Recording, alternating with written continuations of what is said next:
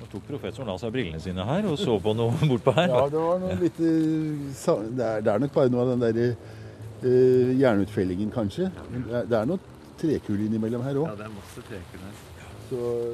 I museum om steinalderboplassen på Hamremoen fortalte prosjektleder Håkon Glørstad og professor Einar Østmo fra Kulturhistorisk museum om strukturer, groper, funn og ikke minst en oppkastet jordvoll som går skrått over det 500 kvadratmeter store utgravningsområdet. Vi driver jo liksom og springer hele tiden frem og tilbake med, med noen tusen år hit og dit her, da. Så det gjelder å holde tunga rett i munnen for den som skal følge med på den, den ferden. Ja da. Altså, I programmet som ble sendt lørdag 30. og søndag 31. oktober, diskuterte arkeologene også hvorfor det var så spesielt gode bevaringsforhold under sanden på Hamremoen. Og ikke minst så de nærmere på den kanskje 5000 år gamle krukken av keramikk som ble funnet under utgravningene. I dette ekstra podkastprogrammet, som ikke er sendt i P2, fortsetter Einar Østmo og Håkon Glørstad sin samtale om keramikktyper, datering og bevaringsforhold. Da vi grov ned med gravemaskin, så var det så friskt at det lukta kvae. Helt lyst og fint var det. er du sikker?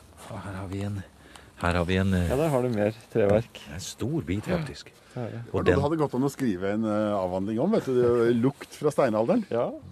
Det har jo flere det. jeg eksempler på prøver det. å lukte litt på den her, men lukter Det er ikke så mye lukt igjen på den nå, nei. Med en gang det kommer luft til, så starter nedbrytningen veldig fort. Men barken har greid seg bra, egentlig, for den ser så tørr og fin ut. Ja, det har den.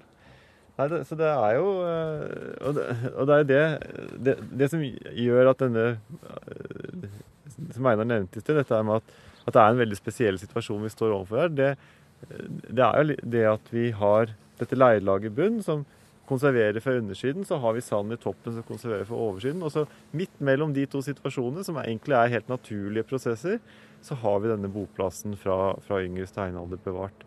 Og det at disse tre tingene skal inntreffe samtidig, at du har et leirlag i bunnen, at du har en steinalderboplass og at du har et sandlag over, det er det veldig sjelden at de tre tingene inntreffer samtidig. Og det er det som gjør denne boplassen så spesiell, og det er det som gjør at, at det er veldig viktig for oss nå å, å ta mest mulig vare på den informasjonen som ligger der, og det materialet som ligger der. For det kommer til å gå lang tid til vi får en ny mulighet til å undersøke en sånn boplass. For det er mange tilfeldigheter som må slå til da, for at man skal kunne finne en, en sånn boplass. Vi kan leve et helt arkeologliv uten å finne noe sånt som dette her. Ja.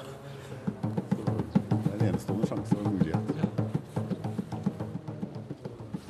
Hvis, man akkurat har denne perioden her, så er det tydelig at keramikken og, og, og disse krukkene de hadde, har jo hatt en helt spesiell betydning. Det tror jeg Einar kan eh, Ja. si ganske mye om. For det virker som at eh, akkurat dette er med hvordan disse krukkene så ut, hvordan de ble dekorert, og, og, og ritualene rundt, eh, rundt disse krukkene. De ble brukt i forskjellige ritualer. Det en veldig sånn, stor og rik del av den, arkeologiske litteraturen, akkurat det. da. Ja, eh, ja Einar, det, de vil vi gjerne høre hva du syns om. Og, Først må vi si Ja. noe om hvorfor arkeologer er så interessert i keramikk. For det er det sikkert mange som lurer på. For det er jo bare noen potteskår og noen krukker som er knust. Og det er ikke så opplagt uten videre at det er så interessant. Nå har vi hørt noen grunner til at det kan være interessant. Det kommer an på eh, at de har inneholdt ting som kan si noe om hvordan folk levde. Men når det gjelder krukkene selv, så er det jo sånn da i eh, veldig mange arkeologiske sammenhenger verden rundt at av alt det arkeologer kan finne, så er keramikken det som er bevart, slik at de altså finner det, og som samtidig er rikest på former og på dekor. Så det er det som har den største variasjonen over tid og rom. Ja, Er det mange eksempler på hele krukker fra yngre steinalder Ja, i jeg tenkte vi skulle komme til det. Fordi, fordi eh, i, som Håkon sa, i yngre steinalder så, så ser det ut til at de hadde eh, brukte keramikken. En ting, en, en ting er at de brukte det til hverdagslige formål, sånn som folk bestandig har gjort. Men den har også vært brukt i rituelle sammenhenger til å ofre ting. eh, Altså med, med eller uten innhold, nær sagt. Sannsynligvis for det meste med. Til eh, hinsidige makter som det kunne være fornuftig å holde seg inne med. Og det har de gjort i noen bestemte sammenhenger. De har gjort det ved inngangen til de store gravbygningene, megalittgravene fra yngre steinalder, hvor en noen ganger finner rester av hundrevis av knuste kar, til dels av helt spesielle former som bare fins på sånne steder. Så har de gjort det i myrer og vann, hvor de har satt ned krukker med innhold uten at det er noe annet der, altså. Og det, det er, regner vi også som en, som en form for offerrituale som de har praktisert der, og som en kanskje særlig finner spor etter i Sør-Skandinavia. Og så har vi da noen, og nå kommer vi kanskje til poenget, vi har noen eksempler på at vi finner sånne nedsatte hele kar på boplasser. Men for det meste har jo ikke bevaringsforholdene vært sånn at det er blitt bevart så godt til vår tid. da. Vi har noen få eksempler på at vi finner kar, store kar som er vært tydeligvis satt ned på stedet og er knust på stedet. Så vi finner dem som et helt puslespill som ligger der. Men da er det et puslespill altså, som det kan bli ganske mye arbeid med å prøve å sette sammen etterpå. Det som er spesielt her, og som vi vel aldri har sett før i Norge i hvert fall, det er at sånne kar som fra en sånn, sånn boplassituasjon, eller hva man nå skal oppfatte det som, er så velbevarte at vi finner bortimot hele kar. Det er, det er den, den, de ekstreme bevaringsforholdene som er noe av det mest spesielle som er her.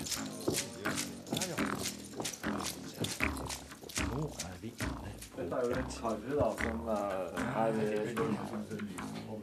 som er helt, helt ja, for Det har ganske mye å si for hvilken form en skal si. Sånn som det er nå, så er det jo nærmest sånn halvkuleformet. Også. Ligner på en stor fotball, rett og slett. Ja, ja. det kan du si. Men, men, du ser at her er det en slags overgang, da. Og så har det nok gått opp da i en sånn uh, Bue ut, ja. ja litt sånn ut, da. Ikke, sånn, ikke så voldsomt som jeg viste det nå, da, men at det har svingt seg litt ut. Så du får en sånn S-form på profilet, da. Men det er en rund bunn. Det er ikke noe tvil om jeg sa dette med fotball, så er det jo selvfølgelig kappet av på toppen, da, men den, er, den har en rund fasong og ikke avlang trakt. Det er ikke en spiss bunn nei. nei. Det er ganske viktig nei. poeng. Og, det, det første, ja.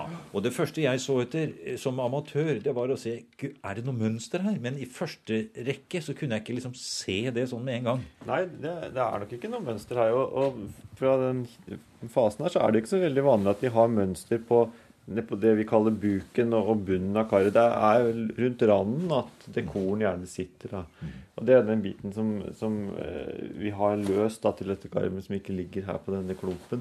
Men hvis vi ser her borte, mm. så kan vi jo se Et stort bord med fullt av da biter utover. Noen ligger i poser, ja. noen ligger ute på papplater. Vi kan ta opp et stykke her, så vil vi se at det er eh, dekor på det. Hvis vi holder det sånn at lyset faller. Ja, har. Så ser du linjer bortover her som er laget av, av tvunne snorer som har vært presset inn i leira før keramikken ble brent. Vi ser tre kanskje sånne linjer parallelt som må være nokså rett under randen på det karet. Er det dette man eh, kaller for traktebeger? Eh, si? Dette kan vi få mye tid til å gå med å snakke om. Ja. jeg ville ikke sagt det, Nei. men eh, noen andre ville kanskje sagt det. Ja, jeg ville vel sagt det. Ja, vel, ja. ja. Og se, nå har du en ny bit med du, mønster. Der ser du randen da på skåret. Det kan du se her. Du holder det opp så fint mot lyset nå. Og så ser du da at det er uh, under randen da, at, at korn sitter. Og det er jo veldig typisk.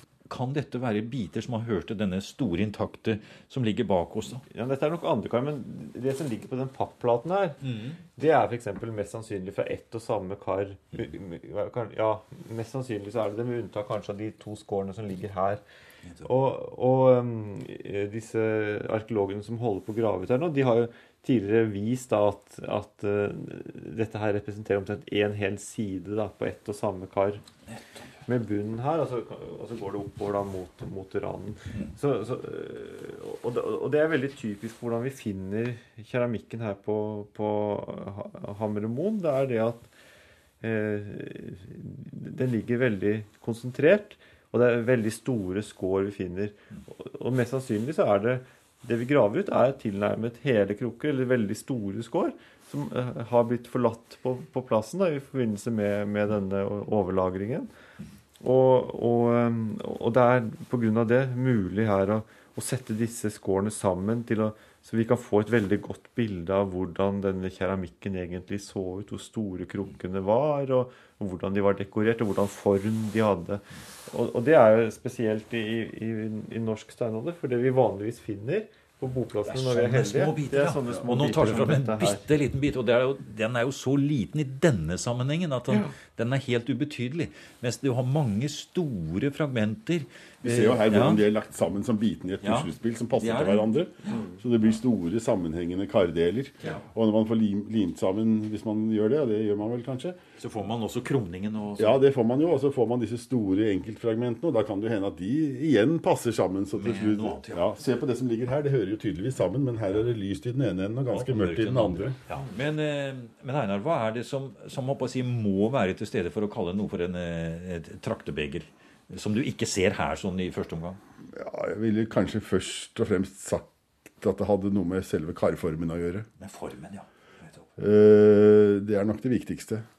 Eh, og så kan en diskutere enkeltheter når det gjelder dekoren og hvor mange sånne horisontale snorlinjer en skal tillate, og det ene med det andre. Men eh, saken er jo at når det gjelder sånn snordekor, så enten det gjelder enkelsnor, som vi sier, altså en tvunnet snor som er uten noe mer om og men, eller det vi kaller snorstempel, som altså er en snor som er viklet omkring en kjerne og trykket inn i leiren, så du får noe som noen syns ligner på et slags piggtrådmønster. Begge deler fins i forskjellige sammenhenger i yngre steinalder i Norden og i Norge. Det fins tidlig i denne traktbegerkulturen som vi har snakket om, som er karakteristisk for det eldste jordbruket og den eldste tiden. Men det fins også senere, i en fase av steinalderen da de ikke lenger drev noe jordbruk eh, som vi vet om i Sør-Norge. Og det fins enda senere igjen, etter at jordbruket hadde kommet tilbake med det vi kaller stridsøkskulturen. For Grunnen til at dette er så viktig, Håkon, det er at dere arkeologer diskuterer nettopp dette, det er jo at det vi står og ser på her, disse, kar, disse leirkarbitene, keramikkbitene, det er jo nettopp spørsmålet om datering. Hvor, hvor, hvor gammelt er det? For dette er en, et, en viktig del av dateringsgrunnlaget her. Ja, det, det er det. Men det er også en veldig viktig del av diskusjonen rundt hva slags nettverk og hva slags kontaktflate disse menneskene hadde. Og, og hvordan eh, Ja, hvilken måte, kulturell ramme vi skal forstå disse menneskene innenfor. Om det er jordbrukssamfunn, eller om det er jegere da, som, eh, som har tatt opp deler av av, av bondens eh, inventar, men kanskje ikke så veldig mye mer enn det. Da, at de har rett og slett begynt å lage keramikk, men, men ikke på en måte begynt med jordbruk eller forandret levemåte på noen viktig så, så, så, så keramikken her er jo, er jo portalen inn til veldig mange viktige arkeologiske eh, problemstillinger. Mange viktige spørsmål om hva slags samfunn vi har med å gjøre. For én ting er jo det at vi som arkeologer blir veldig fascinert av tingene og, og detaljer på utgravelse, men grunnen til at vi graver, det må vi aldri glemme at det er jo for å forstå samfunnet i fortiden. Og, og keramikken her er en sånn veldig viktig eh, brikke i det arbeidet med å forstå de samfunnene. Fordi, både fordi at keramikken helt opplagt var veldig viktig for de menneskene som brukte den for historien. Det, keramikken inngår i mange forskjellige kontekster. Det er brukt i matlaging, det er brukt i ofring, det er brukt i, ja, til forskjellige ting. Men det er også dette at mønstrene på keramikken har jo også en, en regelmessighet som gjør at, at man kan si noe om hvor gammel den er. Ja, hva, hva er ditt uh, bud på dateringen her, da? Nei, ja, nå har jo ikke jeg sett gjennom hele materialet, men uh, så, så, dette blir jo litt, uh, litt foreløpige synspunkter, da. Men det, den, det, dette trekket da med at du har kar der du har sånn snor, snordekor rett under ranen det er veldig typisk for ganske tidlig del av trakt-P-kultur. Og, og, fra, fra Øst-Sverige så er det jo mange godt daterte kar som, som, ligner veldig på noe av den keramikken vi har funnet her, som hører med til, til den første delen av, av yngre stenalder. Og, og, jeg tror at, at, det kan, at, det kan, dreie seg om, om tilsvarende gammel keramikk, kanskje litt yngre. Hvis vi eh, ser på funnkonteksten med disse store gropene og alt dette her som vi har ute i felt, eh, så er jo det vanligere litt utover i yngre stenalder. Så, men at vi er liksom i første halvdel av den fasen, eller det vi kaller tidlig neolitikum i, eh, i sånn arkeologisk terminologi, det, det, tror jeg nok et sted kanskje mellom eh, 3300 og 3800 før Kristus da, i kalenderår. Et eh, samfunn på en måte stiger frem mer og mer biter av det, og kanskje mer og mer litt forskjellige tolkninger også. Og det, det blir jo egentlig bare mer og mer spennende, Einar. Ja da, du vet det er jo et bilde i sin helhet som eh, har mange eh, hvite flekker og sånn, da. Så det er en liten bit hist og en liten bit pist. Og Men nettopp det å se- flytte fra gjenstander, fra funn, fra kornrester, fra pollen, også til å danne seg et bilde av eh, hvorfor drev de med jordbruk, hvorfor drev de ikke med Nei, det, for f.eks. ting. Nei, det er, det er klart det, og det, og det blir å prøve å rekonstruere for seg sitt indre og eventuelt også det ytre blikk eh, en helhet på bakgrunn av nokså spredte fragmenter. Når det gjelder forholdet mellom fangst og jordbruk og hva folk levde av, så fins det jo undersøkelser i Syd-Skandinavia som tyder på at det skillet fra eldre til yngre steinalder har vært skarpere enn mange arkeologer har tenkt seg. At det virkelig var en markert endring, og ganske plutselig. Eh, hvor folk gikk over til å leve av eh, skal vi si, terrestrisk mat. Eh, landmat istedenfor sjømat. Eh, og så blir det et spørsmål hvor langt nordover det skillet kan følges. Og om det kan følges helt hit til Hamremoen, eller om det kanskje bare kan følges til Oslofjorden, eller kanskje ikke så langt engang. Det er mange ting å tenke over og arbeide videre med. Spennende. Du har nå hørt en podkast med ekstramateriale fra Museum NRK P2. Museum sendes i NRK P2 på lørdager klokken 16.03 og søndager klokken 08.03. Hvis du vil, kan du abonnere på Museum podkast i iTunes. Jeg vil gjerne ha dine synspunkter på programmet. Send kommentarer eller tips til museum krøllalfa nrk.no.